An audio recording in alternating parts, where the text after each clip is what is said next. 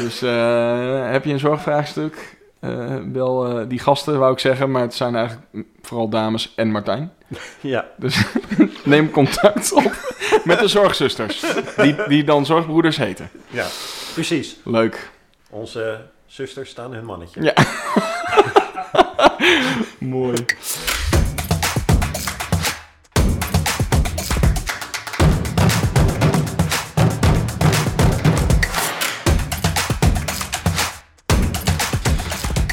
Nou, daar zijn we weer. Eh, ik ben Milan van Brugge, account director en mede-eigenaar van Pixelpillow. En nog steeds de host van deze podcast. Mijn naam is Joël Cox en ik ben technisch verantwoordelijk bij Pixelpillow en ook mede-eigenaar van Pixelpillow. En ik ben Gert-Jan, ook mede-eigenaar en art director bij Pixelpillow. En we En- hebben vandaag een gast. Ja, Ja, ik ben Martijn. eh, Martijn Hulst, eigenaar, stratege bij Zorgpoeders. Wij richten ons op eh markt- en communicatievraagstukken in de gezondheidszorg. Niet alleen online, maar ook bredere marketingvraagstukken. En naast de gezondheidszorg doen we onder het label publiek werk eh, hetzelfde werk ook eh, binnen de overheidsmarkt. Ja, en we gaan het vandaag hebben over de digitalisering in de zorg. En dat is natuurlijk ook de reden dat Martijn bij ons is. Want Martijn is een, is een zorgexpert, marketing-expert. Dankjewel. En, en dat doet hij dan bij... eh, ja, dat doen, ja, dat doet hij vooral, maar dat doen we ook eh, vaak samen voor eh, klanten in de zorg. Want jullie werken met, met, met verschillende partijen die technische realisatie doen. Ja. En, en met ons dan eh, natuurlijk vooral met, eh, eh, met design. Ja. Ehm, en we hebben samen al best wel eh, voor wat leuke klanten gewerkt, voor Heliumare. Ehm, en als er trouwens klanten zijn die daar eh, staan, eh, die, die ik niet mag noemen, dan moet je het nu zeggen. Want ik ga ze nu Nee hoor, nee hoor. We, we hebben samengewerkt voor Heliomare Martini ziekenhuis. Eh, eh, jullie hebben de basisdesign neergelegd Ja. voor een nieuwe werkenbij-site. Eh, in het verder verleden hebben we ook Dimens eh, de, de basis eh, voor neergelegd. Eh, het Sint-Anna ziekenhuis, eigenlijk is een beetje hoe wij werken. Echt vanuit een stuk strategie en concept. Ja. Waarbij wij dan met Pixel Pillow samenwerken voor een stuk ja, design en user-centered design. En dan de klanten weer verder helpen als er ook gerealiseerd moet worden daarbij. Ja. Maar de realisatie zelf hebben wij niet in huis, want wij zitten echt aan de strategie- en conceptkant. Nou, genoeg te bespreken. Laten we beginnen.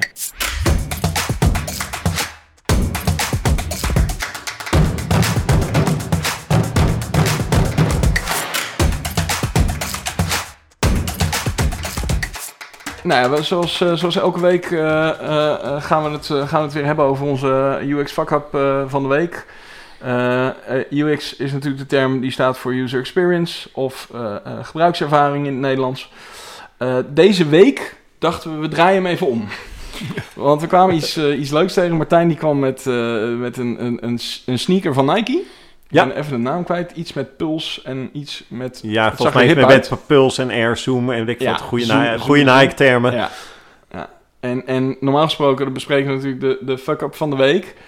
Maar dit vond ik wel zo leuk om even aan bod te laten komen. En, en dan moet je dat natuurlijk een leuke draai geven. En eigenlijk zou je kunnen zeggen dat, eh, dat het een beetje op lijkt. Dat, ik vroeg me in eerste instantie af van waarom is dit er dan nog niet? Want ik loop zelf ook graag. eh, dit is trouwens niet gesponsord door Nike, maar het lijkt er wel een beetje op. Maar ik ben wel een be- klein je, beetje je bedoelt dat bedrijf Ja, ja, met dat- die swoosh ja, in zijn met logo. die swoosh en, en Ja. de, de, de coolste schoenen die er, eh, die er zijn. Ja. Moet je dan nu ook nog Ehm, drie andere merken noemen om te zorgen Ja, dat... ja, eh, Eh, maar die, ja, die hebben gewoon eh, natuurlijk sowieso coole schoenen. En nu hebben ze dat voor, voor, voor de zorg hebben ze een apart sneaker uitgebracht. Of althans, ik weet niet of die er al is of dat die nog aange- of die aangekondigd is. Maar Ja, volgens mij is die aangekondigd. En volgens mij gaan ze hem in eerste instantie alleen in Amerika doen. Ze hebben het ook samen met een ziekenhuis ontwikkeld.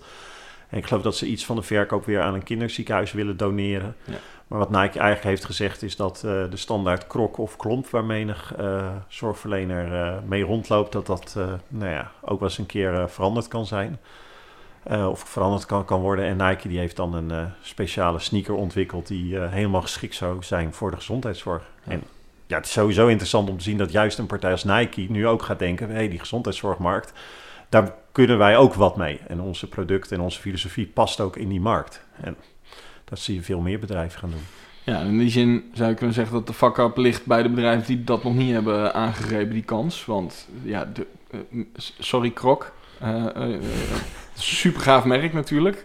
zit in mijn hoofd een beetje onder, onder de echo eh, van... eh, maar goed, in ieder geval, ja, dat, dat is natuurlijk ook niet heel moeilijk om daar een, een beetje een hip high-tech alternatief tegenover te zetten. Dus je zou kunnen zeggen... Ik weet is ook niet of het doel van Krok ooit de zorg was. Nee, ja, dat, dat weet ik ook niet. Maar ehm, ze, ehm, nou ja, het is. eh, ik denk dat andere, misschien wel andere makers van, van de Crocs of van, eh, van klompen, eh, ja, eigenlijk hebben gedacht: we hebben wel een redelijke marktaandeel en zo is het goed. Ja. En dan is het altijd interessant als een andere partij eigenlijk de bestaande partijen gaat uitdagen. Ook al heb ik verder niks gezien hoe duur deze Nike-schoen gaat worden, wanneer die in Nederland komt en hoe sterk het een, eh, een collectors item gaat worden. Dus eh, Ik ga er in ieder geval ik, ben bang Ja. dat, je, dat je nog Ja. heel lang in het ziekenhuis of in een andere zorginstelling gewoon tegen de volgens jou eh, wat minder Ja. charmante schoenen aan blijft Oh, kijken. jij vindt ze wel oké? Mooi. Oké, nou ja, tof. Ik ben heel benieuwd wanneer het in Nederland komt. En Ja. of, er dan, of het dan een soort van ja, item gaat worden waar juist mensen ook in niet-zorg mee gaan willen lopen. Maar dat, eh, dat zullen we zien. Ja, nou, ik zou hem wel willen ontvangen van Nike. Bij deze Ja, jullie hebben jullie heel veel luisteraars hebben, dus... eh, Oh, mooi. Maar ja, eh, hebben jullie nou een tip voor een eh, geweldige of juist een, eh, een, een verschrikkelijke gebruikservaring, een fuck-up, wat dan ook? Eh, stuur ons dan vooral even een mailtje naar pillowtalk.pixelpillow.nl En vergeet ons natuurlijk niet te volgen op Instagram, at pillowtalk, de podcast. Moet wel goed zeggen? Ja, dat. Eh, dan krijg je ook eh, altijd even een berichtje als onze laatste podcast online is gekomen. Nou, we hebben een aantal eh, stellingen, zoals de afgelopen twee keer, wordt bijna traditie, maar we gaan een aantal stellingen doornemen.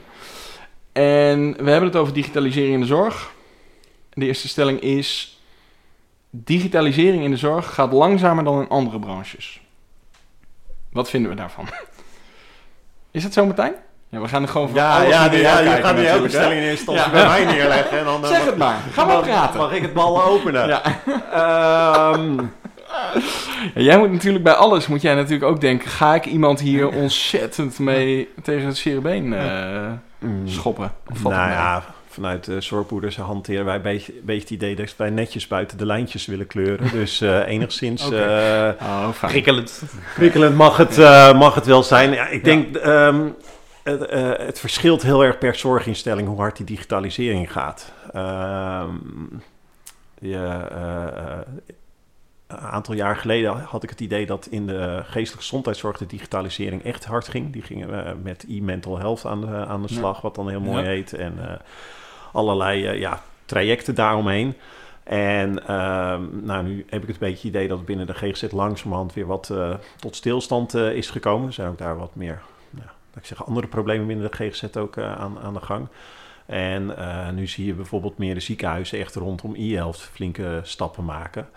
Ook al ehm, is daar wel flink geld tegenaan gegooid vanuit de overheid om te zorgen dat die digitalisering op gang kwam. Want als dat niet was gebeurd, dan eh, hadden we nu nog niet zoveel eh, digitale dossiers eh, gehad die je als patiënt kan inkijken als. Ja, want, wa- want hebben we het dan bij, ziekenhuizen vooral daarover? Het toegankelijk maken van dossiers? Daar begint het voor een deel mee. Eigenlijk zijn er twee belangrijke ontwikkelingen, denk ik, die, die digitalisering op gang helpen. even afgezien van alle gadgets en dingen die je kan doen en e-helft. Ten eerste moet het dossier gewoon gedigitaliseerd zijn, want anders kan je voor een deel dingen niet eh, met elkaar delen en zien. Ja. Eh, of kan je de patiënt daar niet in betrekken? Eh, want we vinden het belangrijk dat een patiënt ook zelf een stuk regie heeft. Als ik even alleen naar ziekenhuiszorg kijk. Ehm, maar wat er ook is gebeurd, dat, ja, dat heet dan mooi met mij standaarden. Dat is eigenlijk dat er afspraken gemaakt zijn hoe wij binnen de zorg dingen willen registreren met elkaar. Want elke zorginstelling deed dat voor een deel op zijn eigen manier. En dan kan je geen uitwisseling van informatie doen. Eh, ja, en dan houdt het daar ook op. Nou, dat zijn eigenlijk twee belangrijke ontwikkelingen die een paar jaar geleden in gang gezet zijn. Ook met een, eh, een zakje geld van de overheid, zogenaamde VIP-subsidie. Maar dat zal ik niet helemaal in detail treden, dan wordt het wel heel eh, eh, ingewikkeld allemaal. Ehm, maar daardoor komt het nu op gang. Alleen er, er kan nog veel meer gebeuren natuurlijk. En je, en je ziet wel al stappen gedaan dat je vanuit huis gewoon in contact kan komen met je arts en dergelijke.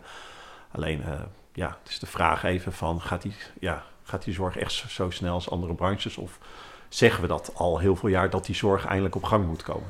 Maar is, is het dan vooral toe te wijzen aan gewoon de complexiteit van het gebied? Of is, er, is daar de vinger op te leggen waarom het dan wat langer duurt dan wellicht in andere branches dat het op gang komt? Of is het gewoon, zijn het meerdere issues die daaraan te grondslag liggen? Mm, nou, het is, voor een deel is het ook complex. Ehm, voor een deel blijft de, de, de zorg blijft natuurlijk ook iets waarbij een arts gewoon een patiënt voor sommige behandelingen of sommige diagnoses gewoon moet zien. Ja, het we blijft, kunnen wel heel leuk blijft zeggen. Ja. van, van, van op afstand, maar uiteindelijk ja, wil je toch ook iemand gewoon ontmoeten. Er zit, eh, hè, eh, eh, vroeger noemden we het geneeskunst, tegenwoordig noemen we het geneeskunde, maar ergens zit die kunst altijd erin dat je toch wel even wil checken van hoe zit die patiënt erbij, waar heeft de patiënt echt behoefte aan. Ja. Dus, dus ja, het is voor een deel wel, eh, eh, ehm, wel ingewikkelder. Eh, financiering is ook gewoon ingewikkeld. Voor een hele lange tijd was gewoon het digitaal consult door een arts was, heel slecht gefinancierd. Dus dan was het veel voordeliger, gewoon als je kijkt naar, naar het businessmodel, om een patiënt als arts gewoon in jouw zorginstelling te zien, dan dat je dacht, ik doe dat even via een videoverbinding. Ja, dan heb je Dan kon je je BIC-code, kon je niet, eh, je, je behandelcode kon je niet compleet krijgen, zeg maar, met een digitaal consult erachteraan. Nee, zeg voor, maar. voor, voor een deel niet. En eh er eh, waren ook eh, uitspraken, eh, of moet ik zeggen, richtlijnen, dat je eerst de patiënt fysiek hebt moeten zien Hmm. voordat je iemand digitaal kon zien. Nou, inmiddels zie je daar verschuiving in, waardoor, waardoor nu die versnelling op gang kan, eh, kan komen. Ja, wa- want het grote topic is momenteel toch dat zorg goedkoper moet of efficiënter. Ja. Dus ik kan me voorstellen dat digitaal consult daar wel een stap in kan zijn. Ja, je hebt een groot overheidsprogramma, dat, eh, of althans vanuit de overheid wordt dat dan zo genoemd, dat heet de juiste zorg op de juiste plek. En dat is eigenlijk het herstructureren van de zorg. Ik kan Ja. daarbij zeggen, waarvoor moet je voor alles naar het ziekenhuis toe als het misschien bij de huisarts kan? Of waarom ligt iemand heel lang in een, eh, of heel lang tegenwoordig is dat niet meer zo, maar in een, eh, in een ziekenhuis stel je misschien beter bij thuiszorg of in een verpleeghuis kan. Dus het gaat om organiseren op de juiste plek. En een van de onderdelen daarvan is ook ja, meer inzet van, van e-health, van digitaal contact, digitaal ondersteuning. Ehm, maar ja, we kunnen allerlei dingen ook zelf aan ons meten. Ik bedoel, ik ben ooit een jaar geleden bij het eerste Quantified Self eh, congres in Europa Ja. geweest, waarbij mensen dingen nou ja, aan zichzelf meten. Eh, ja, dat, dat is wel nog steeds voor een heel groot gedeelte de happy few die dat doet. Eh, eh, Ja, me- precies. mensen die dat leuk vinden, die voor een deel eigenlijk niet nodig hebben. Nee, de Apple Watch bijvoorbeeld heeft nu een ECG, of hoe noem je dat, hart, hartritme ECG, meetfunctie volgens mij. Maar dat is inderdaad, dan moet je al Ja, eh, eh, flink wat neerleggen, wil je, wil je dat... Nee, je moet het ten eerste al leuk vinden. En, Ja. en, en dus, dus of je vindt het gewoon zelf leuk, maar dan doe je dat je bent gezond en je vindt het leuk om te meten. Hè. Zoals mensen met straven hun rondjes eh, fietsen of hardlopen Ja. meten. Of, en, en daar zit natuurlijk wel potentie in. Mensen die een bepaalde chronische ziekte hebben. Dat je zegt van, hé, maar wat kan je zelf gaan doen met je eigen metingen? Hoe kun je dat verder gaan digitaliseren? Ja, precies. Du- dus maar, ja, het is wel. Zorg 2.0 eh, werd al heel lang geroepen. Eigenlijk de verandering van de zorg met meer digitalisering. En het, eh, eh, waarbij mensen riepen van ja, het ziekenhuis zoals we het nu kennen, om even dat voorbeeld te nemen, dat bestaat over een aantal jaar niet meer. Nou, dat. dat Ja, dat geldt in de bepaalde Ja. provincies geldt dat. eh, Maar dat heeft daar denk ik niks nee, mee ja, te ik weet. ik weet niet op welke provincie je het uitmaakt. Ja, Maar- ergens in de polder. eh. Maar Nee, ik kan me wel voorstellen dat er een soort hockeystick effect is. Hè? Dat het heel Ja. langer duurt dan dat je denkt. En dat het dan opeens heel snel gaat. Al- Als al die, die apparaten eh, meer gemeengoed worden. Als iedereen een smartwatch heeft.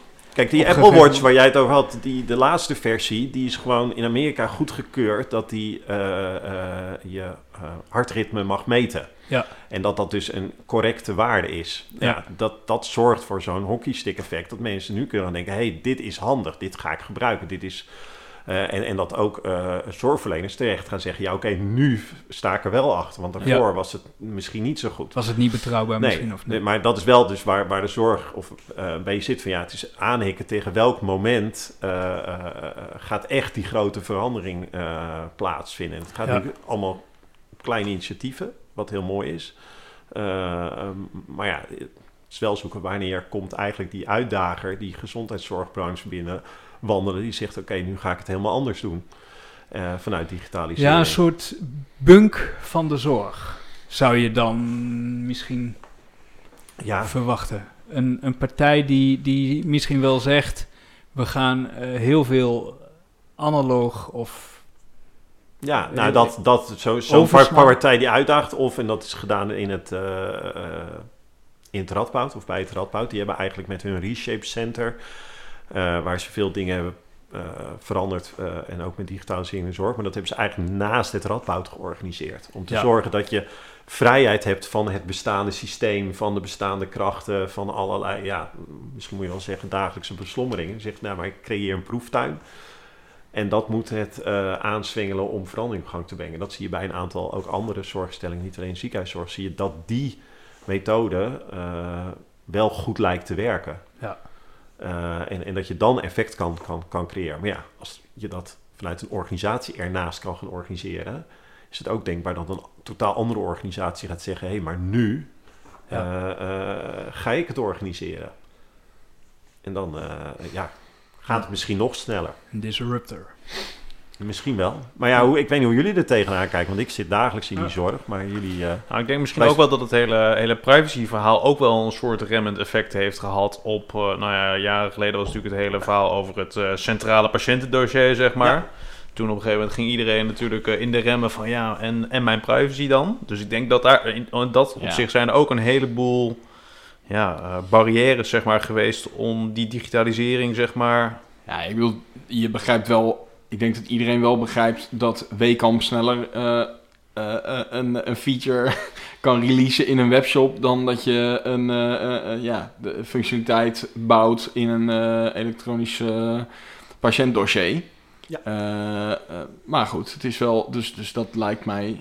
Dat lijkt me inderdaad logisch dat het op, om die reden alleen al niet zo heel snel gaat. En dat is ook goed natuurlijk, hè? Want ik bedoel, je wil op zich dat, dat je gegevens veilig, zo veilig mogelijk zijn.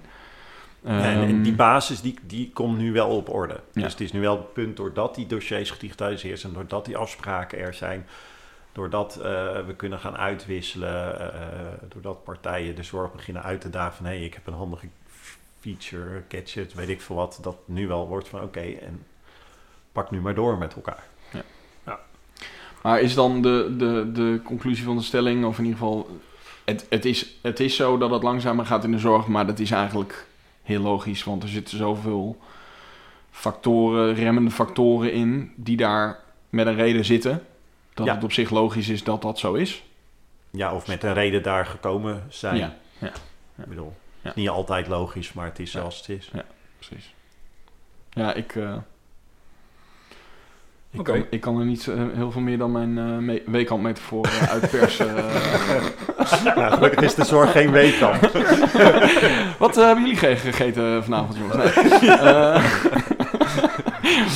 Eh, eh, Oké, de tweede stelling. Zorginstellingen denken vaak vanuit hun eigen informatiebehoeften.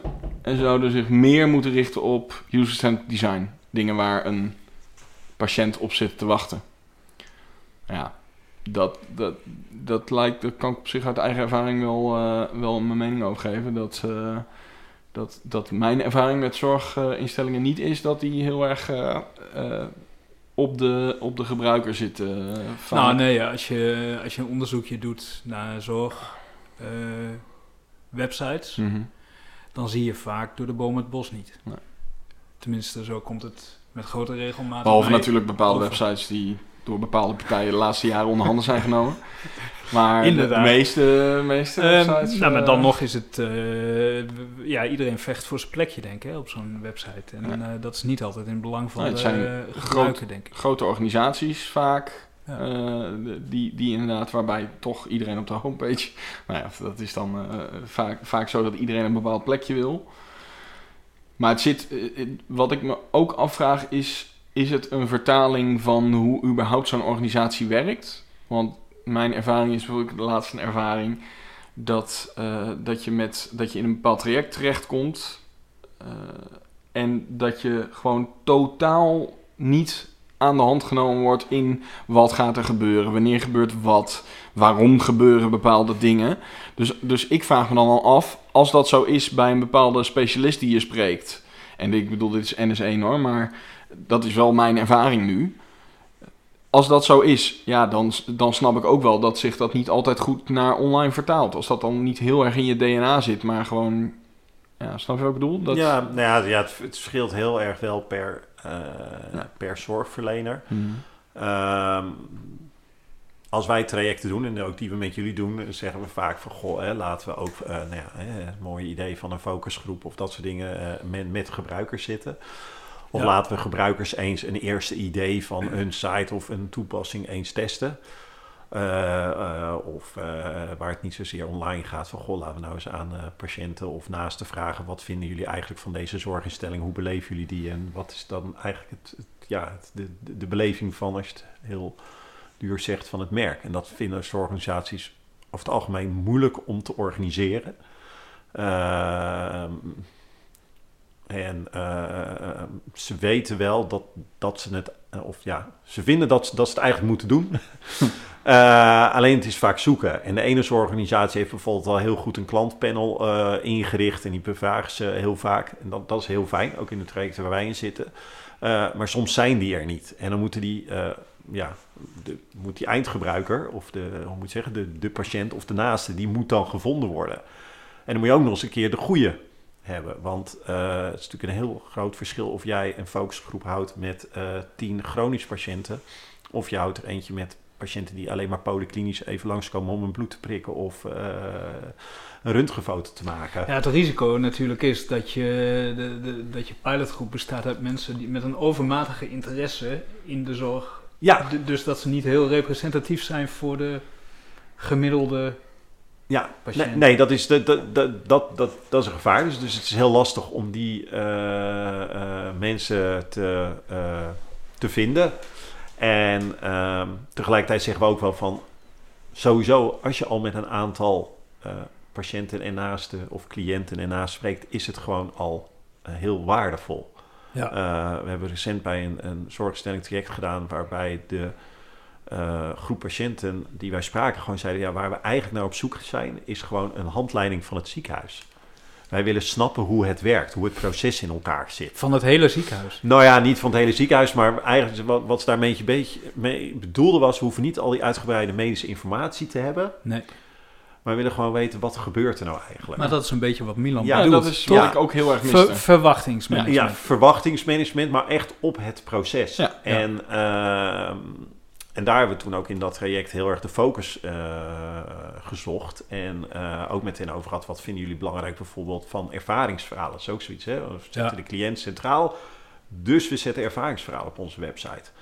En daar horen wij dan in eh, groepen cliënten, patiënten terug dat ze het wel fijn vinden dat er ervaringsverhalen op staan, maar dat ze niet per se die lezen, want dat is nooit hun eigen ervaring. Dus het is meer een soort bevestiging van een bepaald gevoel of vertrouwen wat het geeft. Nou ja, dat, dat er überhaupt voor ervaringen opengestaan wordt. Maar Ja. ze worden niet altijd gelezen. Want wat ze eigenlijk willen lezen, en dat zien we ook bijvoorbeeld in webstatistieken terug, als je veel check op het online kanaal focust, is ze willen eigenlijk gewoon de zorgverlener, de arts, de psychiater, nou, noem het allemaal op, leren kennen. Dus daar vinden ze vinden de profielpagina van de zorgverlener veel belangrijker dan het ervaringsverhaal van een patiënt. Ze gaan echt op zoek naar wie gaat mij straks behandelen. Wie gaat mij, mij, mij behandelen? En dan nog ineens, want dat is een angst die leeft binnen zorginstellingen, dat ze een keuze willen maken. Dat ze zeggen, nou doe het maar liever dokter A of dan dokter B. Maar Ja. gewoon, ze, willen, ze, hebben, ze weten, ze moeten bij een arts langs, ze hebben de naam doorgekregen. En dan willen ze gewoon weten, wie is dat eigenlijk? Gewoon even een gezicht bij, eh, bij Eh, de naam. Bij Ja, en, van. en, en, en dat je denkt van, goh, ik kom met dit probleem bij die arts. En als dan in zijn profielpagina staat van, goh, dat hij daar eh, kennis en ervaring op heeft. Dan is het natuurlijk wel fijn dat je denkt van, goh, nou, ik ga naar eh, een goed persoon toe. eh, en dat dat dan dus vertrouwen geeft. Dus heel veel zit op het proces, creëer van, van vertrouwen. En het helpt daarbij dus om daarover met patiënten, cliënten, maar zeker ook naasten. We mo- moeten niet vergeten dat merendeel van de mensen die op zoek gaan naar zorginformatie online zijn niet de mensen die ergens klachten mee hebben. Dat zijn de anderen. Ja. Die zoeken naar de informatie. Dus ook daar moet je over na gaan denken van wat voor eh, eh, gebruikservaring bied ik die groep. Nou, als je daarmee praat, haal je heel veel dingen op. Eh, en, en, en kan je tot daar passende concepten en marketingstrategieën voor verzinnen. Maar met één voorbeeld te noemen, zo van enige tijd terug, dat een... we zaten met een, met een groep eh, eh, ouderen te praten. Ging, ging voor een, eh, een ouderenzorginstelling met verpleeghuis en dergelijke. En die zeiden toen in zo'n focusgroep op een gegeven moment... ja, wat wij belangrijk vinden is niet alleen te weten hoe het verzorgingshuis eruit ziet... Uh, uh, uh, wat, wat daar geboden wordt, om maar zo te zeggen. Dus niet alleen maar foto's en informatie. we hoeven niet alleen te zien. Nee, wat we eigenlijk ook heel belangrijk vinden, we willen, we willen het ruiken. Hm. En toen dachten we eerst van, hé, hey, wat, wat, wat bedoelen ze daarmee? en, en wat zit er? Maar voor hen was het eigenlijk heel belangrijk om er gewoon makkelijk even langs te kunnen en de sfeer te proeven en gewoon letterlijk te ruiken. Hoe, hoe, hoe is het hier? Ja, dus dan is online sowieso niet genoeg. Dat is online niet genoeg, maar dan kan je wel in je, in je, in je markt- en communicatiestrategie kan je nadenken van... hé, hey, maar hoe ga ik die behoefte ja, faciliteren? kun je de proefrit aanbieden? Ja, makkelijk afspraak maken, een kijkafspraak of een, ja. uh, dat soort ja. dingen. Dat kun je wel faciliteren. Dus dat, online, daar kan je dan over gaan nadenken. Maar dat had je niet gehoord als je vanuit je eigen uh, ideeën als zorginstelling was gaan redeneren. Maar dan denk je van, nou, ik schrijf Kijk, een mooi, mooi verhaal en ik maak mooie foto's en dan ben ik klaar. Dus het is echt, echt het gesprek aangaan. Ja, dat sluit ook heel erg aan. Uh, uh, is even een linkje naar, naar onze vorige podcast over design thinking. Nou, dat is natuurlijk eigenlijk uh, wat het is, wat we toen ook besproken. Ja, je moet gewoon bij de gebruiker te raden gaan. Gewoon vragen: wat is nou eigenlijk ja, daadwerkelijk jouw behoefte? En dat meenemen in, in, je, in het ontwerp, zeg maar. En dat is voor ons, denk ik, allemaal heel logisch. Maar dat, voor zo'n klant, voor zo'n zorginstelling, is dat natuurlijk niet uh, gesneden koek. Dus die moet je daarin uh, in, in, meenemen. En daarvan ook uh, het nut ja, laten, laten zien dat dat echt wel, wel nodig is om, een goed, om, die, om die cliënt goed te bedienen, zeg maar. Ja. Ja, en het verschil is erg per zorginstelling hoe goed ze dat voor elkaar krijgen. Je kan alle mindere voorbeelden. Uh, Doe eens. ik ga alle goede voorbeelden tellen. Nee, ja. nee, die weten jullie zelf oh, wel. Van, ik, van, ik, uh, zie, ik, zie, hier iets ontzettend uitslaan op mijn beeldscherm. Ja. Sorry daarvoor. ja. Oh, en Siri gaat nu... Uh... Oh. Als je wilt, kan ik op internet zoeken naar Xie. Oké, okay. dat, dat ging niet goed. Maar Martijn, ik ben nog wel benieuwd of... weet zo'n zorginstelling zelf wel hoe alles in elkaar. En zijn ze wel in staat om, je hoort toch vaak dat het zijn allemaal eilandjes, dat die maatschappen zijn. Hebben ze zelf wel goed zicht op hoe zo'n heel proces daar verloopt? Omdat het natuurlijk heel complex kan zijn. Een... Um, ja, goede vraag. Uh, ik, ik denk dat een aantal zorginstellingen echt wel weten hoe het, hoe het loopt. En dat wat wij zien, dat in trajecten waarin wij, nou ja, laten zeggen, uh, gaan nadenken over wat de strategie en het concept achter een, uh, een online kanaal is en bijvoorbeeld een website, dat dat dan leidt tot vragen van, uh, um, of eigen inzichten, hernieuwde inzichten, hoe het daar daadwerkelijk loopt. we hebben een traject gedaan voor een, een GGZ-instelling. Waarbij we heel expliciet op hun website uh, de verschillende behandelingen wilden tonen. En daarbij ook uh, hadden bedacht, we willen een beetje de mystificatie uh, rondom de behandelingen in de GGZ wegnemen. Dus wees gewoon nu helder. Dit soort type behandeling, dat is ongeveer zoveel keer moet je langskomen. één keer per week of twee keer per week. Het kan in een groep of het is individueel. Nou ja, een beetje bijna alsof je iets bij jouw geliefde weekamp. Uh, Als je het al hebt over, over, verwachtingsmanagement, ja. dat is wel, dan weet je wel zeg maar waar je aan toe bent. Ja, alleen, nou ja, dus dat hadden we bedacht en ook in goed uh, met, uh, met werkgroepen bedacht en, en ook met cliënten over, over gesproken. ook kwam mede vanuit, vanuit hun kant ook. Alleen vervolgens moest dat wel ergens op een gegeven moment in content op die website komen. En dan kom je op het punt uit dat, dat je eigenlijk aan, aan zo'n zorginstelling gaat vragen... Maar wat doen jullie nou eigenlijk? moeilijke vraag. Moeilijke dat vraag. Is, en, en, en, dat is complicated. Die, die ja. zagen ze niet aankomen. nou, die zagen ze wel aankomen. maar, dat was, dat, maar dan, en, en, en dat is dan wel het mooie. Dat je eigenlijk doordat je weer een keer even met elkaar stilstaat. Ook vanuit de gebruiker of vanuit dan in dit geval de hefboom uh, van een website. Dat je even met elkaar terug gaat oké, okay, ja maar hoe zit dat nou eigenlijk precies in elkaar? En ik denk dat het voor een groot gedeelte... Uh, ze het wel weten, maar het ook dit soort dingen helpen om er weer even goed tegenaan. Uh, of even goed naar te kijken. Ik bedoel, je hebt ook een app, de, de uh, Patient Journey app. Mm -hmm. is niet van ons, van een andere partij. Uh, doen het hartstikke goed. En daarin kan je, word je eigenlijk stapsgewijs meegenomen in je behandeling. die is in eerste instantie veel binnen een ziekenhuis ingezet, wordt nu ook binnen GGZ langzamerhand toegepast. Ehm, maar dat vraagt dus, omdat het stapsgewijs is, dat zo'n zorginstelling eigenlijk als ze zo'n app willen gebruiken, uitgedaagd worden om even na te gaan, maar hoe zit dat in elkaar? En dan de stap te maken, niet vanuit hoe zit ons proces in elkaar, want dat noemen ze dan in de zorg mooi het zorgpad. Mhm. Maar welke stappen, eigenlijk de patient journey, doorloopt zo'n patiënt nou en welke stappen kan ik, kan ik daarin ondersteunen? Dus het, het, het helpt gewoon om die duidelijkheid te creëren die er voor een deel wel is. Ja, want ik kan me voorstellen dat, dat het ook helpt dat zo- zo'n... ik heb die, eh, eh, die, die, die app-tool nog niet, eh, niet, niet zelf gezien. Ik kan me wel voorstellen dat als je het juist zo eenvoudig maakt... dat het concept zo eenvoudig is dat je gewoon vertelt... dit is stap 1, dit is stap 2 en Ja. daarna komt dat... Dat je dan ook niet meer met wollige teksten die dat een beetje verhullen... dat je eigenlijk niet zo heel goed weet wat nou stap 3 is... Ja, ze weten het waarschijnlijk wel, maar ik kan me Het- voorstellen het dat je ermee... forceert je Ja, ook forceert. om je stappen helder te krijgen. Ja. En om ze helder te communiceren. Want dat is natuurlijk ook nog. eh, je, kan, je kan zo verzanden in een enorme pagina met het hele proces. En die zal dan misschien per eh, afdeling weer net anders opgebouwd worden. En als je gewoon zegt.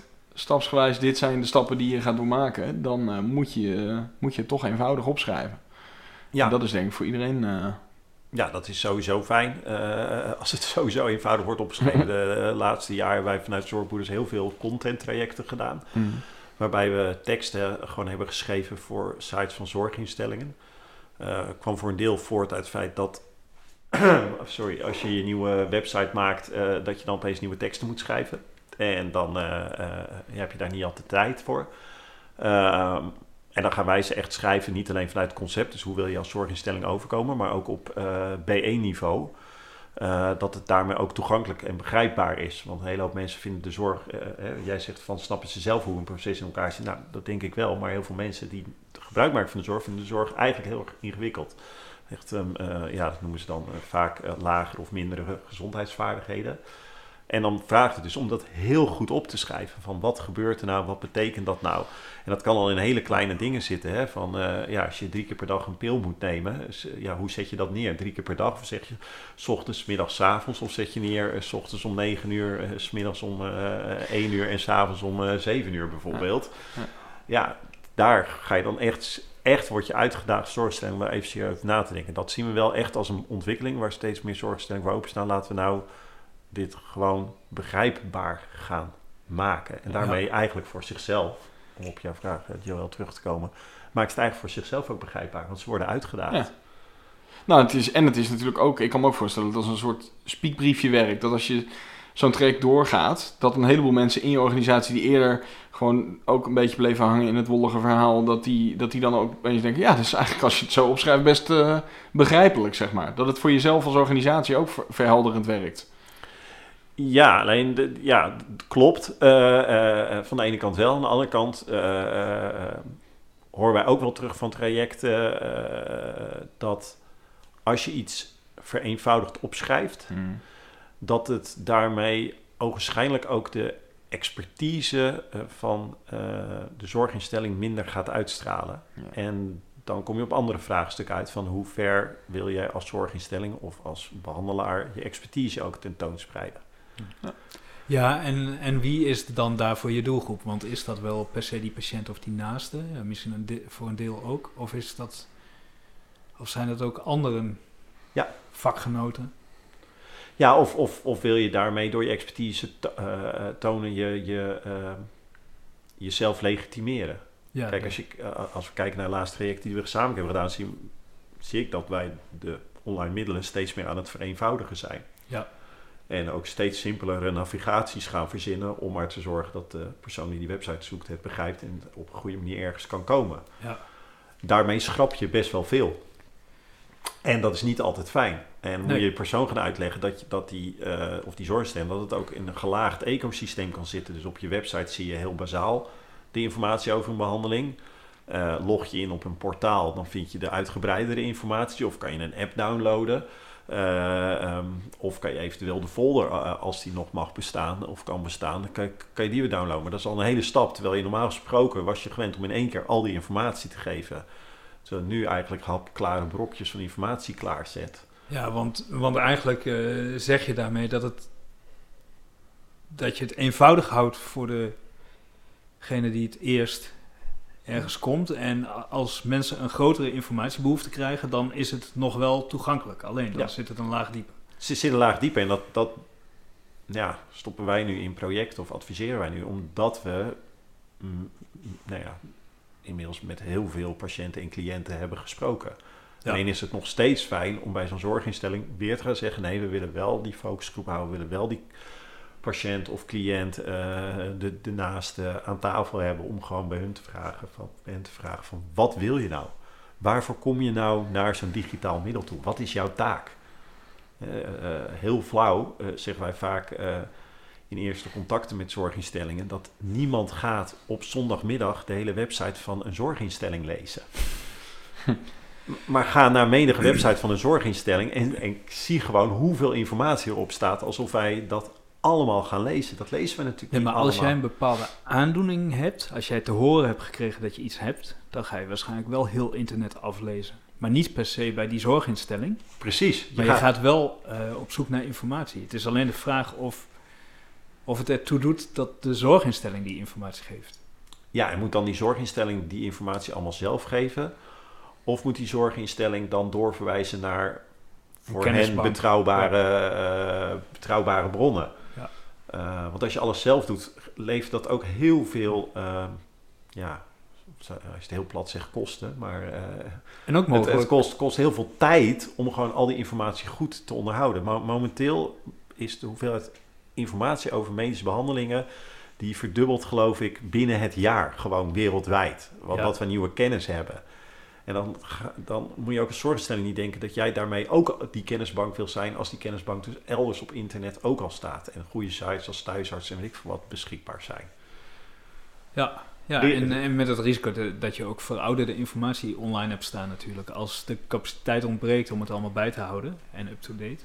Ja, en als je dan hoort in die focusgroepen van, van patiënten, joh, ik wil die handleiding van het ziekenhuis, ik wil het proces begrijpen, weten wat er, wat er gaat gebeuren, of hoe een polyklinische afspraak gaat, of nou, noem, noem het maar op, maar echt die basisinformatie, dan zeggen wij vaak, kijk daar eerst naar voordat je heel uitgebreid eh, bepaalde ziektebeelden of behandelingen gaat beschrijven die je misschien gelaagder op een ander moment of verwezen naar betrouwbare sites kan aanbieden. Oké. Heel verhaal. Ja, dat was een goed verhaal. Nou, Ik zit, ik zit even te denken wat nu de conclusie is van, van deze stelling. Eh, ik bedoel, de, de behoefte... de- we kunnen volgens mij zeggen, als ik hem samenvat... dat veel zorginstellingen wel heel veel behoefte hebben... om heel veel van hun informatie op een website vaak... want daar hebben we vaak mee te maken, te, te delen. Maar dat, dat wij wel eh, ons af, hardop afvragen... of je dat altijd eh, zo uitgebreid moet doen... als dat ze misschien in eerste instantie zouden willen... omdat het al vindbaar is op internet... en dat je beter kan richten op wat een gebruiker zoekt. Eh, eh, en eh, daarin zit vaak het proces, de specialist, Ja. hele concrete informatie. En Die die, dus heel uniek erg- is voor dat moment. Ja, die uniek is voor of het de naaste is die kijkt, of dat het degene is die de diagnose zelf krijgt, of iemand die. Nou ja, dus, dus verschillende doelgroepen met verschillende informatiebehoeften. En, en vooral heel erg focussen op wat is op dat moment de behoefte van, van die persoon en daar heel erg op inspelen.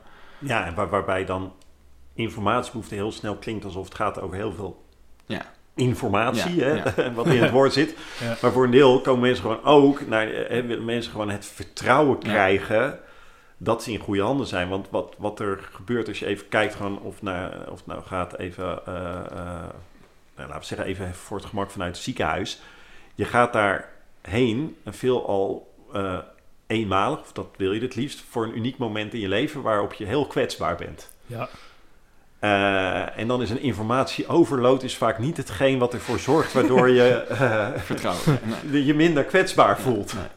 Dus als jij vertrouwen krijgt in je organisatie, hey, ik ben hier in goede handen en ik weet hoe het proces gaat en ik kom niet voor zomaar verrassingen te staan, of in ieder geval eh, het, het verwachtingsmanagement, dat helpt veel meer. Oké. En dat hoor je als je met patiënten en cliënten gewoon in gesprek gaat. Ja, nou ja, ja, ik begrijp het ook, want ik, het is ook mijn eigen ervaring. Dus in die zin eh, valt er nog wel een hoop, eh, hoop te halen. Eh, nou, genoeg denk ik daarover, toch? De techbedrijven zijn straks de nieuwe zorginstellingen. We hebben in een vorige podcast hebben we ook al, eh, toen we het volgens mij over het nieuwe betalen hadden, we het er ook al een soort van eh, over gehad. Ja, het is een soort van universele stelling. Hij komt maar. Techbedrijven nemen alles over. Eh, het is wel.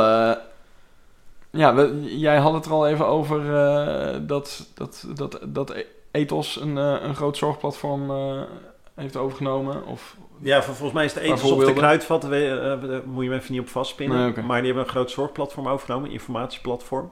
Eh, dat is natuurlijk boeiend. Waarom eh, gaat een, eh, nou, laten we zeggen, origine drooggisterijketen zich opeens richten op het bieden van zorginformatie?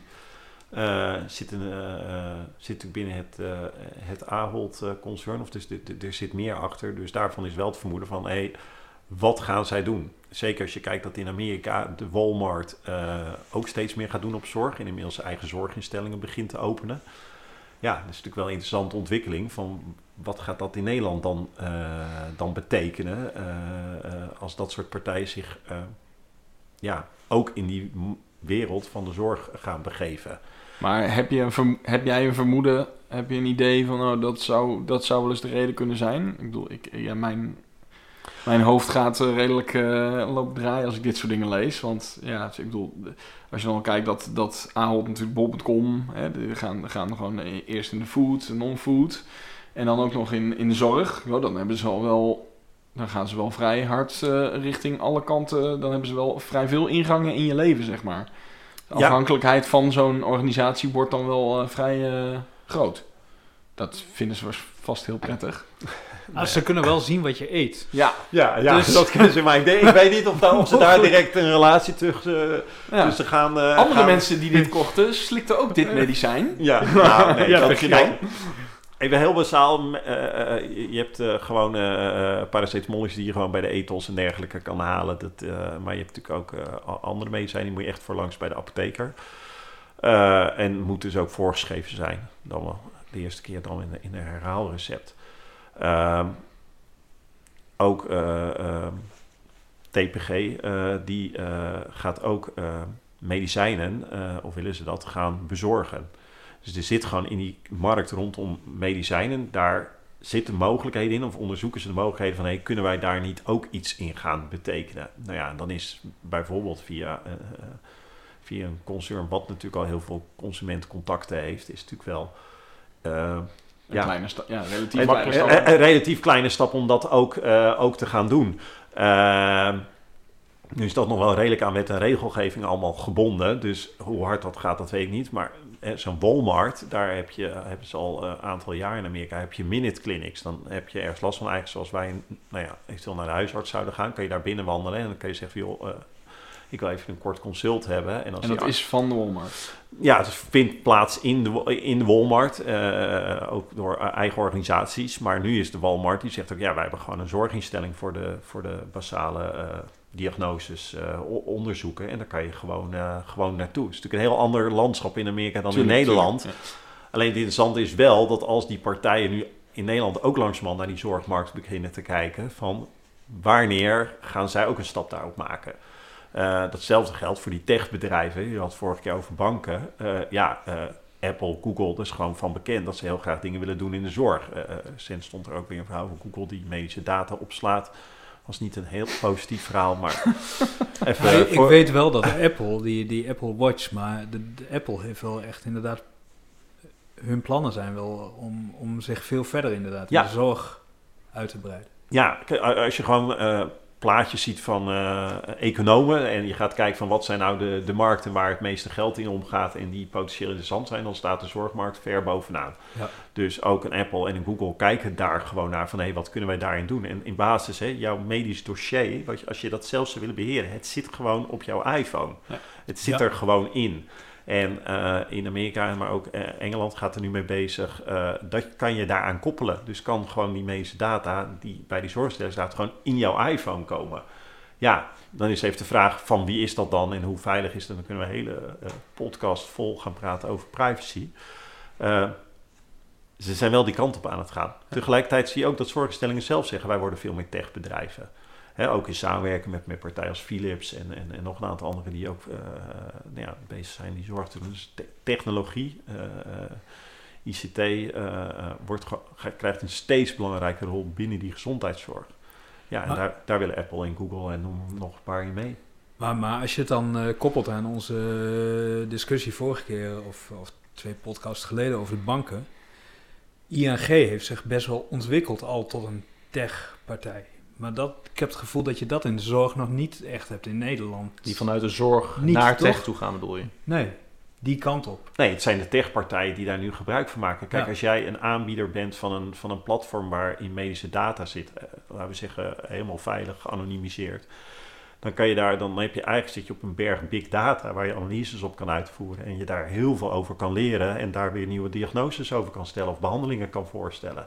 Ja. Ja, als jij die data hebt als techbedrijf, dan heb je gewoon eh, eh, iets waardevols. En sowieso diagnoses toch. Ze zijn in Amerika nu toch ook, ook al wel vrij ver met AI eh, die betere diagnoses schijnt te trekken op bepaalde aandoeningen dan dat. Ja, je hebt, eh, je, hebt IBM Watson heb je, Ja. een grote nou ja, ding van, van, van IBM. Die, daar hebben ze gewoon onderzoeken mee gedaan en dan gewoon diagnose voorleggen aan een systeem, een diagnose voorleggen aan een arts en dan gewoon kijken van, goh, wie heeft er gelijk? En dan blijken die systemen gewoon eh, vaak, eh, ja. v- soms vaker gelijk te hebben eh, dan, eh, dan, dan een arts. Eh, Ja. de- dus die, Helemaal als die arts 20 uur niet geslapen heeft.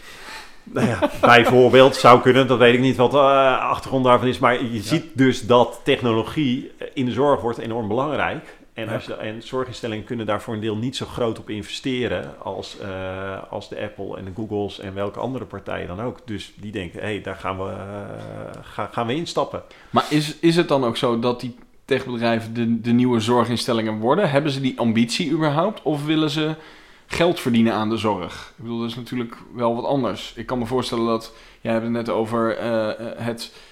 Kijk, het, volgens, het is natuurlijk wat anders dat je als Apple een product hebt... wat die Ja. diagnose kan stellen...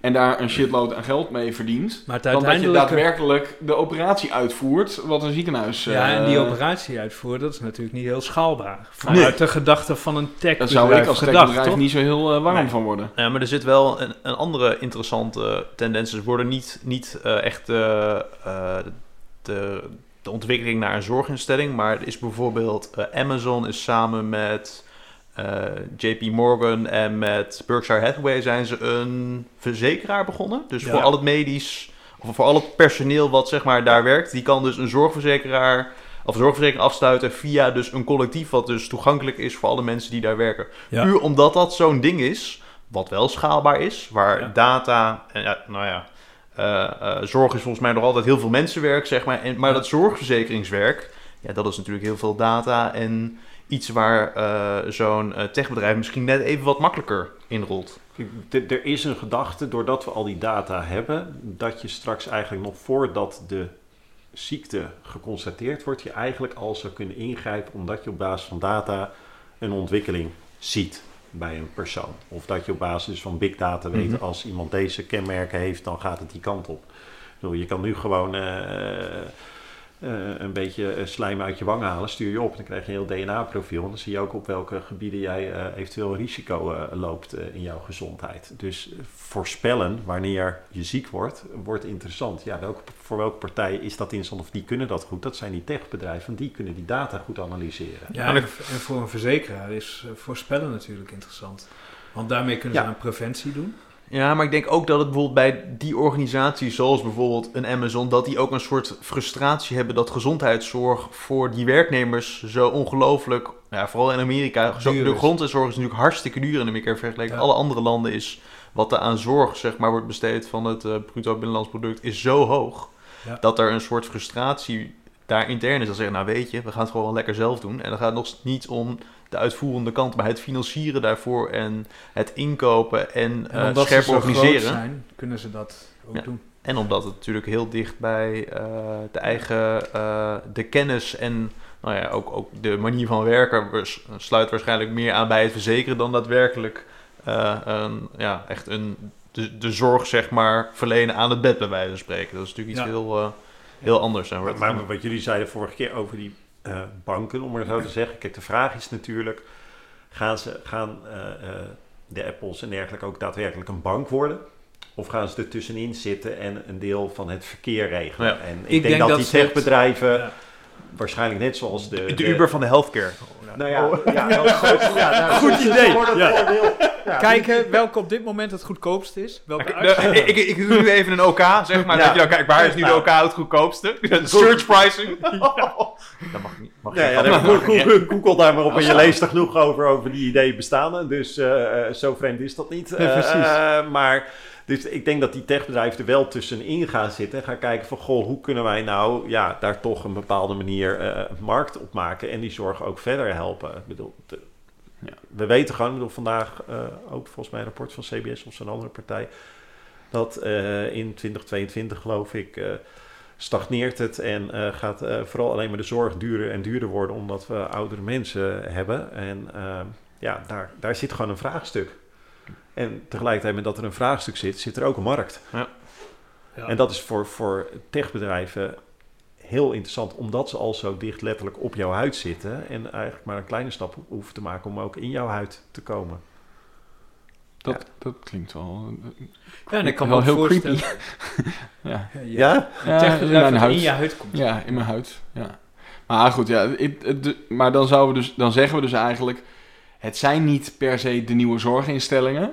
maar ze hebben wel een heel groot belang om een vrij grote rol in een moderne zorgstelsel eh, in te nemen, zeg maar. Of stelsel is niet de goede term, maar in ieder geval, hè, ze, ze, ze, eh, ze, ze maken zich graag eh, belangrijk, ze spelen graag een belangrijke rol, voor- vooral als het gaat om die informatie en data en, en Ze- Zij gaan, zij nu al, maar in de toekomst meer, gaan Ja. zij de zorg mede definiëren. precies.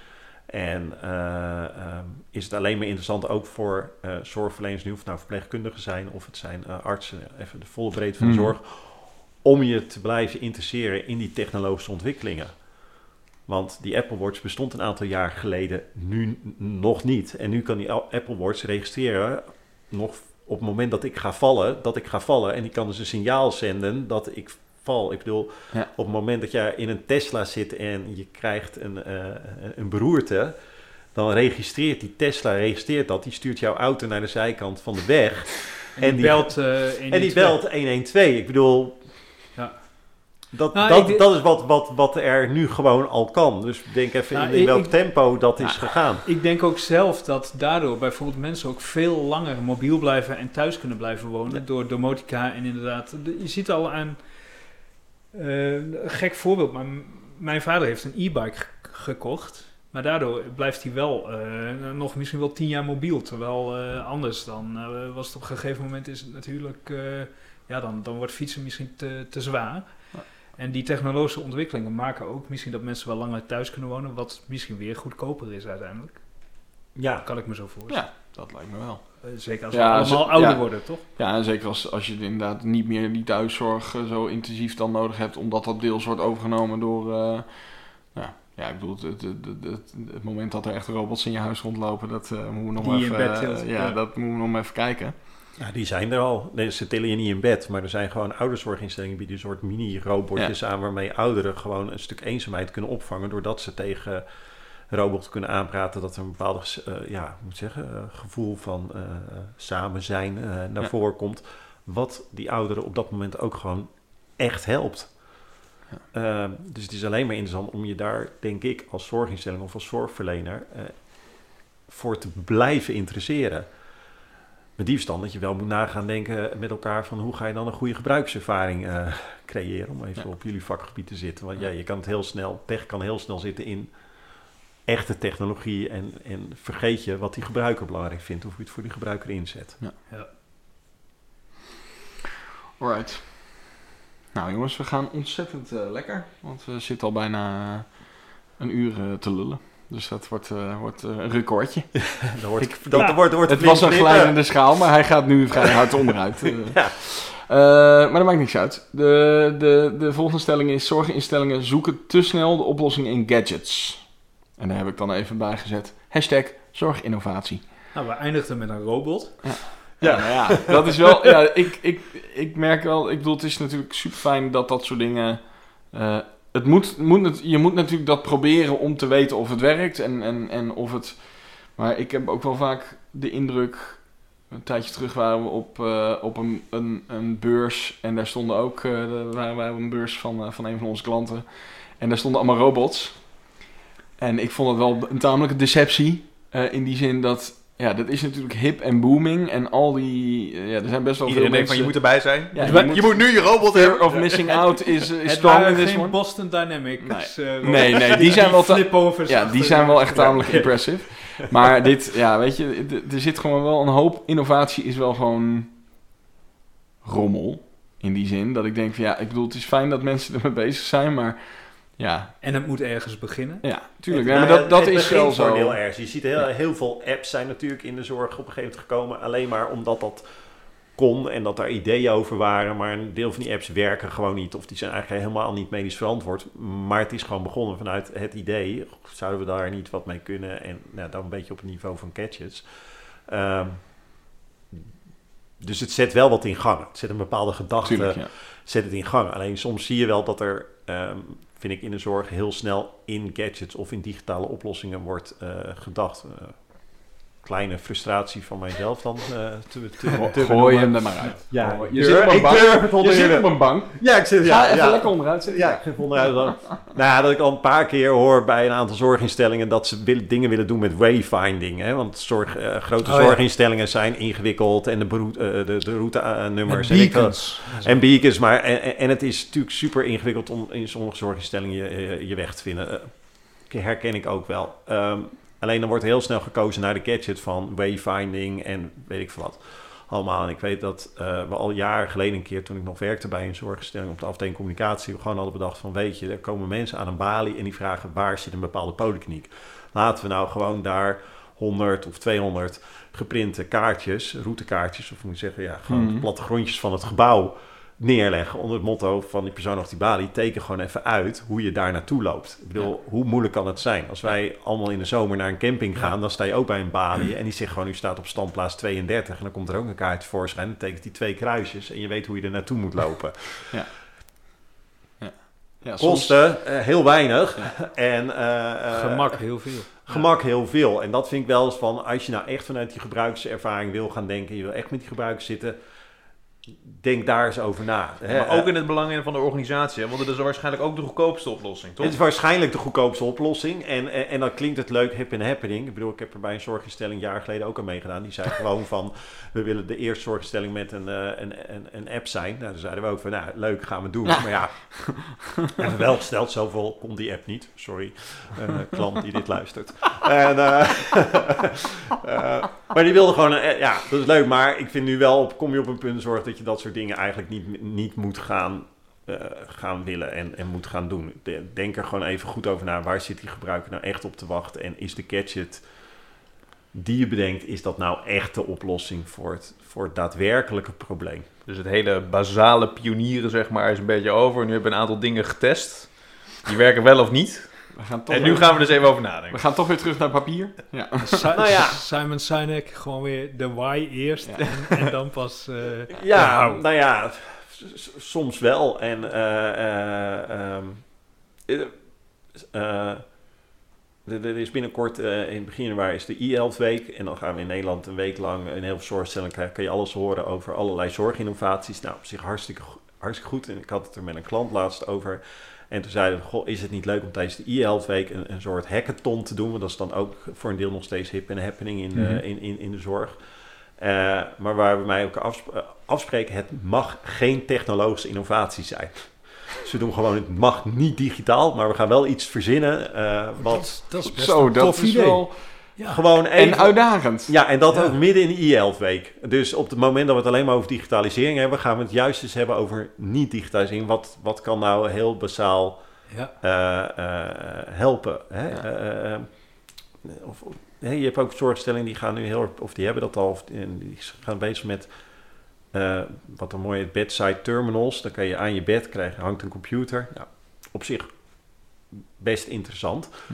Eh, eh, maar dat komt eigenlijk een beetje uit het idee toen wij nog niet een mobiel en een iPad bij ons hadden en, we- en geen Oh, wifi ja. hadden. En dat je dan tv kon kijken en spelletjes kon doen op dat ding. Dat Ja. is compleet achterhaald. Dus nu heb je waarschijnlijk een bedside terminal, maar geen adapter waar je je telefoon aan op kunt laden. bij Nou ja, dat, dat weet ik niet. Maar ik, je, hè, je kan daar dus op gaan investeren. Of je kan gaan nadenken, ja, wat voor tools neemt iemand eigenlijk zelf mee? En moet ik Ja. dat niet goed gaan ondersteunen? En als ik dan ook al het zorgdossier digitaal beschikbaar heb gemaakt, wat dan toegankelijk is, hopelijk via mobiel, de meeste zorginstellingen niet, maar laten we even vanuit gaan dat dat zo is. Dan, dan kan je je afvragen, waar is die terminal nou eigenlijk Ja, voor je- nodig? Hè? Dus, Maar je eh, zou zelfs kunnen zeggen dat je kan beter nog voor de mensen die niet een iPhone, smartphone, whatever hebben, dat je die ter beschikking stelt terwijl ze in het ziekenhuis liggen. En dat dat nog steeds eh, eh, eh, goedkoper en, en handiger is. Want de meeste, het gros, zal dat wel gewoon hebben. En voor de mensen die het niet hebben, of ik weet trouwens niet of het gros zal hebben, maar in ieder geval Ja, denk ik veel, veel mensen zullen dat hebben. En dan, dan hoef je niet eigen software voor, voor de- dat hele ding te, te ontwikkelen, zeg maar. Dan hoef je alleen maar één app te ontwikkelen, bijvoorbeeld. ja, Dat is natuurlijk al een iets pragmatischer insteek dan... Nou ja, en ik vind dat daar mag wel eens Ja. aandacht, of misschien wel meer aandacht voor zijn in zorg. Laten we nou gewoon soms even nadenken, is technologie in de vorm van een gadget wel nodig? Ik bedoel, zorginnovatie kan eh, ook op vele andere manieren plaatsvinden. En ik denk dat het wel eens leuk is om dus juist met zorginstellingen te gaan zitten en dan eens een keer niet vanuit technologie te gaan redeneren. Maar, maar die hackathon wel gaat er eh, dus komen bij deze, want nu staat het op band. dat is een ouderwetse term trouwens, ja, op band. Ja, op band, ja, doe eens even normaal. Ja, Ah, Ja, sorry. moest niet digitaal. Dus Ja, dat is wel... Ja, ja, Dat ja, ja, mooi ja, ja, dat was ook mijn eh Ik, eh, ik zal de zorginstelling waar dit over gaat eh, vanavond nog even een appje sturen dat het binnenkort online staat Ja. zonder dat hun naam genoemd wordt, maar dat de weg terug nu moeilijker is geworden. dus, eh, en ik begrijp dat jullie gewoon keihard meedoen. Uit- oh ja, zeker. Geel belangeloos. ja, zeker. Eh, Markers mee, Ja, papier. Marcus? Wie is Marcus? goed. Oké. Ik had bier meegenomen, Ja, maar dat is volgens mij niet ja, nodig. dat is niet Eh, nodig gewoon bij nee, onze gaat podcast. vanzelf. Ja. Dus, Nee. eh, Oké, eh, hebben we deze dan gecoverd? Ja, denk ik wel. Ja, Ja. ik denk het ook wel. Oké, nou, we hebben, we hebben nog één stelling. Eh, systemen voor zorgverleners moeten beter en intuïtiever, zodat er meer tijd is voor de patiënt-cliënt. Zorgverleners. Ja, dus, Ja. dus hè, we richten ons, wij richten ons eh, eh, vaak op de... Nou, we hebben het net ook gehad over die, die informatiebehoefte, wat er misschien niet altijd een informatiebehoefte is, maar in ieder geval het heel erg richten op de, de, de eindgebruiker, zeg maar. Dus de naaste cliënt, whatever. Eh, maar er is natuurlijk ook nog de zorgverlener die, eh, die, die, die, die ook tot onze doelgroep behoort. En die zit vaak met een een of ander frustrerend eh, systeem waar die dan heel veel tijd aan moet besteden, zodat hij uiteindelijk minder tijd heeft voor die, voor die cliënt. Nou, vaak, een, vaak een systeem wat, wat heel veel kan, zeg maar, maar waar die Ja. specifieke gebruiker maar eigenlijk een heel klein stukje van gebruikt vaak. Ja, ja. Kijk, qua, wat qua zijn- namen ken ik die systeem, of een aantal van, van die systemen wel. Wij maken er vanuit de zorgboeders, nou ja, logischerwijs niet gebruik van, maar we zitten niet in dat soort trajecten. Nee. Ehm, eh, maar we horen wel veelvuldig van zorgverleners de frustratie over de, de systemen die zij zelf moeten gebruiken.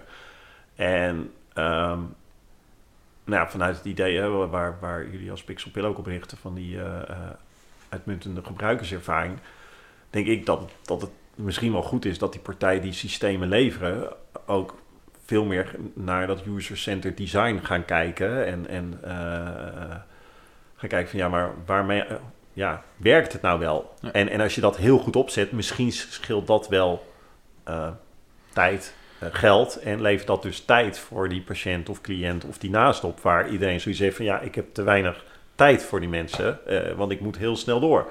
Ja, als je nou eens iets gaafs gaat doen wat hen, dus de zorgverleners tijdwinst oplevert, dat, dan, dan eh, kan je echt gave dingen bereiken. Ja. En, en dat kan soms zitten in hele eh, kleine dingen. Ik weet van echt, echt heel ouderwets, heel, heel lang geleden. maar ehm, dat een manager ooit tegen mij zei van ja, eh, voorheen had ik een papiertje van de afdeling inkoop en daar kon ik gewoon even op noteren wat ik nodig had. En dat kon ik naar ze opsturen. En eh, dan liep ik gewoon met dat papiertje, dat invulformulier, liep ik naar mijn voorraadkast toe. En dan keek ik wat ik nodig had. En dan kruiste ik dat op het papiertje aan. En dan ging dat papiertje per interne post of dergelijks naar het facilitair bedrijf. Ja. Hij zegt, en op een gegeven moment kwam daar een systeem voor. En dat was makkelijker. Alleen wat er toen gebeurde was, hij zegt, ik moest dan, of zijn Dat medewerker... was makkelijker voor de inkoopafdeling bedoel voor, je? voor inkoop makkelijk. Maar die medewerker, hè, hij of een, een, een collega van hem, moest dan naar die voorraadkast lopen. Ging hij op een papiertje noteren wat hij nodig had. Ja. Vervolgens moest hij naar een computer teruglopen. hè, inmiddels zou dat waarschijnlijk allemaal via tablet trouwens hebben het probleem inmiddels gelukkig opgelost. Maar ging die, vervolgens ging die persoon met een papiertje naast die compu- eh, achter die computer zitten. Ging die overtypen wat hij nodig had. Hij heeft heel Ja. bazaal twee keer zo lang bezig. Ja, ja, ja. Dus eh, vanuit dit voorbeeld, van, ik denk dat als je dus goed gaat nadenken over het werk eh, en de taken van zorgverleners en hoe systemen daar dus op kunnen aansluiten, dat ze intuïtief zijn, dat ze eh, eh, tijd gaan schelen. nou ja, dat je makkelijker data kan analyseren, gewoon weet van wat betekent dit nou eigenlijk, wat dit onderzoek inhoudt. dat, je, dat dat heel veel kan gaan opleveren. Ja, en wat interessant is, dat wij hadden het eh, eh, net voordat we de, de, de opname starten, hadden we het even over dat het best wel mo- moeilijk is in heel veel gevallen om aan te tonen wat nou echt gewoon, gewoon in, in, in de, de return on investment wat dan ook, wat je gaat als klant echt, wat het je gaat opleveren. Maar bij zoiets is dat natuurlijk vrij makkelijk aan te tonen. Als, jouw, als, als dat proces eh, een kwartier per briefje eh, en, en daarna een half uur duurt, ik zeg maar wat, of... eh, da- dan kun je natuurlijk gewoon die tijd verminderen. En dat kun je gewoon meten. Ik bedoel, als jij een slim, wel een slimme app op een tablet maakt, waardoor dat binnen, binnen 10 minuten is geregeld, dan heb je 20 minuten bespaard. Ja. En dan kun je het gewoon uitrekenen. Ja, ik denk niet dat je direct in één keer zulke grote tijdswinsten maakt, maar dat als je elke keer ergens 30 seconden of een minuut af weet te halen, dat Ja. dat at the end Precies. van een dag of eh, een maand eh, eh, scheelt. Of dat je in die Ja. tijd een extra consult kan doen. En een extra consult is gewoon meer inkomsten. Dus dat, dat is ook, ook fijn. Ja. Alleen nu ligt wel, kijk, soms de indruk heel erg te focussen op die patiënt en cliënt. Wat op zich ook goed is. Hè? Je moet de patiënt-cliënt centraal stellen. En die, ook om die persoon eigen regie te geven. Maar ik denk dat het heel interessant is om ook met zorgpartijen te gaan zitten van... hé, maar hoe werkt het nou bij jou intern? Welke systemen gebruik je nou? En hoe kan je daar nou met een stukje eh, juist eh, goed eh, design ervoor zorgen... dat die zorgverlener gewoon niet gefrustreerd raakt als hij het dossier opent... of als hij zijn tijd moet registreren of whatever... Maar gewoon daar eigenlijk bijna blij van wordt. Ja. En de grap is dat je eigenlijk, denk ik, tools die jullie gebruiken... die wij in ons kantoor gebruiken om dingen te doen... die kiezen wij uit online platformen waar wij gelukkig van worden. Denken, dit is gemak. Ja, maar wij hebben denk ik ook meer keuze. En, Ja. ik, en ik denk zelfs dat door het vak waar wij in zitten, dat de systemen ook vaak beter zijn. Omdat de mensen die zich daarmee bezighouden dezelfde interesse hebben. Maar dat het in de zorg... Ik kan me ook zo voorstellen dat een heleboel van die systemen vrij generiek zijn. Omdat die, omdat die duur zijn om te ontwikkelen. Dus aan meerdere partijen verkocht moeten worden. Maar dat die dan min, specifiek minder goed werken voor, de, voor, voor een specifieke zorginstelling. Dat het ook gewoon ingewikkeld is, wat jij net eh Ja. zei, Joël. Dus Ja. het is voor een deel ook gewoon ingewikkeld. Dus we moeten het niet bagatelliseren. Nee. Nee. Alleen, ja, ik, heb, ik heb daar een mooi. eh, de- eh, tijdens mijn studie waren ze in Nijmegen waren ze bezig met eh, eh, voor de selectie van het nieuwe eh, interne ERP of patiëntendossier hadden ze ter voorbereiding daarvan hebben ze een eigen eh, intern patiëntendossier ontwikkeld. Om dus eh, als een soort, ja, een soort testbed om te kijken wat nou de interne behoeftes waren. Dus die hebben eh, ook waar jij net aan refereerde van de verslaglegging. Daar waren verschillende manieren hoe dat allemaal gedaan werd. Hoe dat bij het Radboud gedaan werd en hoe dat bij andere ziekenhuizen of zorginstellingen gedaan werd. Heel lang aan ontwikkeld aan het systeem. En uiteindelijk hebben ze dus voor, voor Epic gekozen. Wat dus het meest, het meest gebruikte, het meest uitgebreide eh, patiëntendossier. Dus ik vind het wel grappig dat er dan... Er wordt er heel veel tijd wordt er gespendeerd om te kijken van wat is nou die behoefte. Maar uiteindelijk wordt er voor het meest algemeen, breedst gebruikte systeem gekozen. Wat dan... Ja, maar, Eh, maar, maar, ja, maar dat is, dat is voor een deel, ze waarom? hebben geen keuze. Hè? Ik bedoel, eh, je kan in Nederland, als jij een, een, een, een elektronisch patiëntendossier wil hebben, dan heb je Epic en Chipsoft zijn de twee grootste. Dan heb je nog een paar kleinere, maar dat zijn de twee grootste. Chipsoft is de allergrootste. Die is gewoon, heeft dermate groot marktaandeel. Ja, je, je kan Je allerlei... kan er niet omheen. Ja. Nee, je kan allerlei voorbereidende sessies doen. We kunnen geweldige ideeën met elkaar gaan verzinnen over paper prototyping en weet ik veel wat allemaal. En, eh, en vragen wat is nou je eigen taak? Wat zou voor jou nou belangrijk zijn om op je startscherm te zien? Of ja, weet ik veel wat allemaal. Ja, dat kan je niet zonder die, die, die technologiebedrijven doen. Want daarna heb je maar keuze uit enkele. En dan is het gewoon, ja, het is A, B of C. Eh, ja, ja. Ja, dus... En, en qua implementatie dan, zijn die systemen aan te passen of in te richten aan de behoeften van de, eh, van de organisatie die ze gebruikt? Valt daar nog veel in te tweaken, zodat het misschien wat gebruiksvriendelijker wordt? Of is het gewoon, eh, je moet het doen met wat je... Ja, krijgt. ik neig naar het laatste, maar ik ken die systemen te slecht hoe ze tegenwoordig in de markt worden gezet. Ehm, maar ik neig er wel naar om te zeggen van ja, je, er zit een bepaalde standaard op. En dat willen ze ook voor een deel standaard houden, zodat Ja. ze die brede markt kunnen hebben en daarop kunnen doorontwikkelen. Dus je hebt het, ja, ja, je kan niet precies zeggen ja, maar wij zouden het eh, anders willen. Eh, kijk, ik zou het leuk vinden als zo'n partij zegt van joh, weet je, we gaan eens met een aantal eh, nou ja, ontwerpers zoals jullie zitten. En geef er gewoon eens commentaar op. En Ja. samen met, met, met gebruikers, la- laten we gewoon eens een keer even eh, eh, het vel leegmaken. En gewoon eens even definiëren van, goh, eh, hoe, eh, hoe kunnen we dat maken? Eh, dat het goed uitziet. Ik bedoel, even een ander systeem eh, te, te noemen. Dus een systeem wat eh, heel erg zit op eh, vacatures en dat soort dingen. En, en die hele HR-proces. Dat eh, als je daar gewoon online het sollicitatieformulier van wilt gebruiken, dan heet de knop waarmee jij solliciteert als eindgebruiker, heet, eh, eh, op die knop staat gewoon de tekst aanmaken. Nou, dat Ah, ja. is omdat er een dossier voor jou wordt aangemaakt. Dat heeft een Ja. techneut bedacht. Ja. Dat is niet aan te passen. Eh, terwijl, ja, ik denk, wij, ja, nee. Ja, ja. wij zitten, denken we al, ja, hoe kan dat? Dat moet toch heten solliciteer of ik reageer of ik Ja. veel. Dat we daar Ja. een of andere vette call to action op zetten, wat ervoor zorgt dat die potentiële sollicitant zegt, ja, nu wil ik ook hier werken. Ja, Ja, nou ja, dat, Dat- eh, even gewoon alleen maar als voorbeeld. En dan denk ik van ja, als dat soort, soort partijen die die systemen maken, of het nou gaat het EPD of andere dingen, gewoon eens een keer mm, nou ja, meer met eh, partijen als jullie eh, en, en ons rond de tafel gaan zitten. Zeggen, hey, maar hoe kunnen we nou voor die zorgverlener of voor die medewerker echt die geweldige gebruikerservaring creëren? En kunnen we daar inderdaad tijdwinst maken? Ah, en ik En denk, stel dat lukt.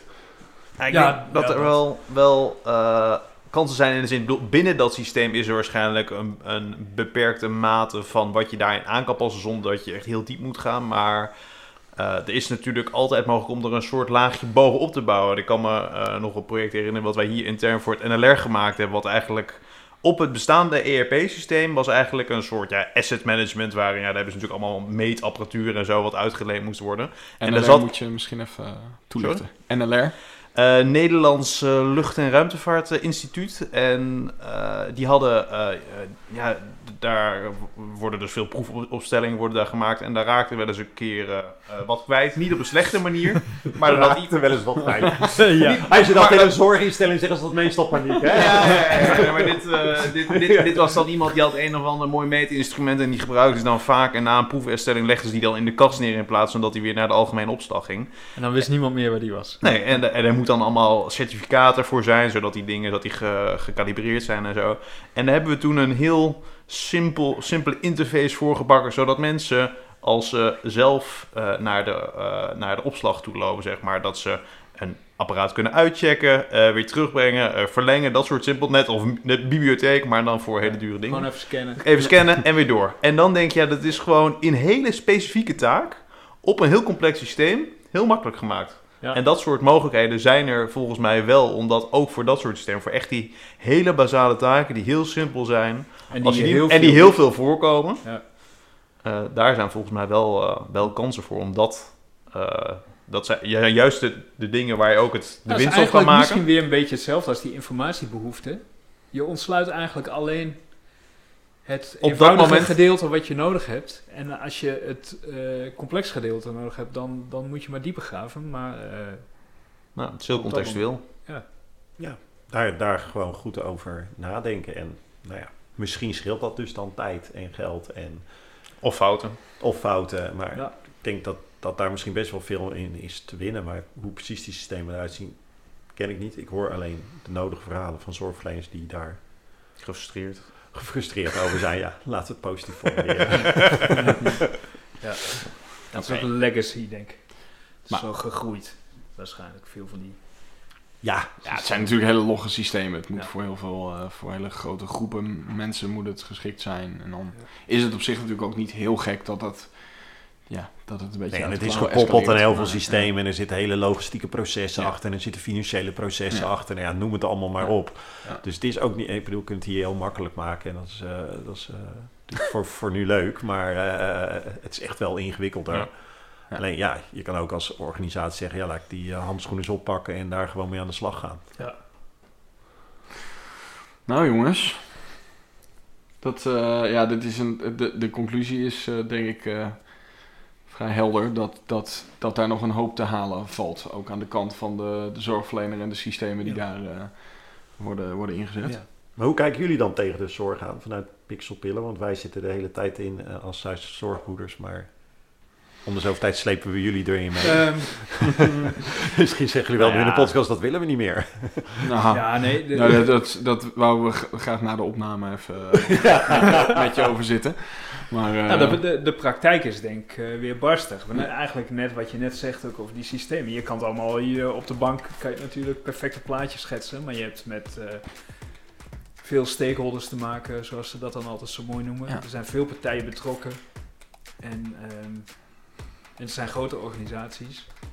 Dus het eh, moet een beetje de weg van geleidelijkheid eh, volgen, denk ik. Maar het, het goede begin is gewoon om, om, waar we het al eerder over hadden, om gewoon met die, met die gebruiker om tafel te gaan. Dat is, dat is hoe wij alles zien, denk ik. je, moet, je wil gewoon, hoe complex een product of een, of een eh, site of whatever ook is, je wil altijd kijken of het doet wat die, degene die er uiteindelijk mee moet gaan werken, ja, of, of die dat gaat begrijpen en of die dat waardevol vindt. En, en of het niet eh, onnodig ingewikkeld is. En het punt is gewoon, dat, dat is gewoon de design mindset die, die, die wij natuurlijk hebben en die, die jij hebt.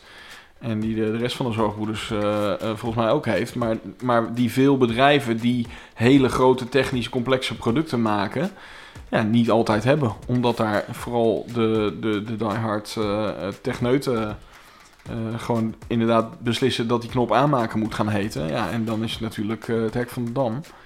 En dat is natuurlijk een beetje waar... eh, dus dus dat, dat is de kern. Gewoon bij alles wat je doet, Dus vragen. gewoon nog meer design thinking in de Ja. zorg. Dat, dat, Ja, dus dat, dat zou kunnen, zou dat denk ik heel goed zijn. Ja. Ja. Nou, laten we daar dan gewoon mee aan de slag gaan. Jeetje, wat Ja. heb je hem leuk afgerond. Oh, sorry Milan. Dat is jouw taak, hè? Nee hoor, Ja. nee, ik bedoel, eh, wie het ook doet. En eh, na een uur en twintig minuten mag het verdorie ook wel. maar eh, nee hoor, het, volgens mij eh, was het, tenminste ik vond het super interessant. Eh, maar we hebben een, een, een, een natuurlijk moment volgens mij gevonden om, er, om je weer de deur uit te vegen. Of om dat biertje wat... Ja, die gaan we, ja. die gaan we zo nog even openmaken. Ehm, nou ben ik wel heel benieuwd, als, er, eh, als, als jij dit nu luistert eh, en je vindt iets van dit onderwerp, dan, eh, dan zijn we heel benieuwd naar jouw mening. Dus reageer vooral op, op onze socials of stuur een mail naar pillowtalk.pixelpillow.nl Ehm En kijk even op zorgboeders.nl. Even een klein stukje reclame naar elkaar toe. Ja, ja, Wat, ja. eh, wat- ook al moet die site wel weer eh verbeterd worden. Ja, Dus, eh, maar dan kunnen ze in ieder geval je mailadres vinden. precies. En eh, Mail. daar gaat het natuurlijk om. Ja, Dus eh, heb je een zorgvraagstuk? eh wel eh, die gasten, wou ik zeggen, maar het zijn eigenlijk vooral dames en Martijn. ja. Neem contact op met de zorgzusters, die, die dan zorgbroeders heten. ja, precies. Leuk. Onze zusters staan hun mannetje. Ja. Mooi. Nou, leuk. Maar weet je wat, ehm, wat, wat ik wel een beetje mis aan deze podcast is dat we het nog niet hebben gehad over. eh, er is nog geen grap geweest over dat ik niet lees. En eh, ik heb nog niet ge- gezegd. We hebben nog niet gezegd wat we hebben gegeten vanavond. Ik wil die traditie er namelijk graag Ja, inhalen. dat lezen, dan, ja, dan zou je het bijna over bijsluiters of zo moeten gaan hebben. Als Ja, je maar dat het is- lijntje met de zorg. Ja, maar daar hebben we natuurlijk voor, eh voor Healthbase eh, destijds een heel leuk traject voor gedaan. Dus daar hebben Ja. we ook wel eens iets mee gedaan. Dus die heb ik ook gelezen. Ja. Dus eh, oké, nou, leuk. Geen grap over. eh, Geen grap over Milan. Volgende keer weer. nou, Ja. Wij gaan een biertje drinken, eh, denk ik. Lijkt me een goed idee. En, wat, ehm, en ik, ga, ik ga eens even heel diep nadenken of dit één podcast of twee worden. Ja, dat dacht ik ook al, ja. Part 1, part 2. Nou, bedankt, eh, bedankt voor het luisteren. En eh, jij, jij bedankt natuurlijk Martijn. Voor eh, graag dat je gedaan. helemaal Dank voor de uitnodiging. naar Zwolle bent afgereisd eh, om, om je verhaal eh, te vertellen. nou, dank. En eh, snel verder met mooie projecten met elkaar. Gaan we doen. Gaan we doen. Fijne avond. Ik neem hem gewoon nog op, vind ik grappig. blijft.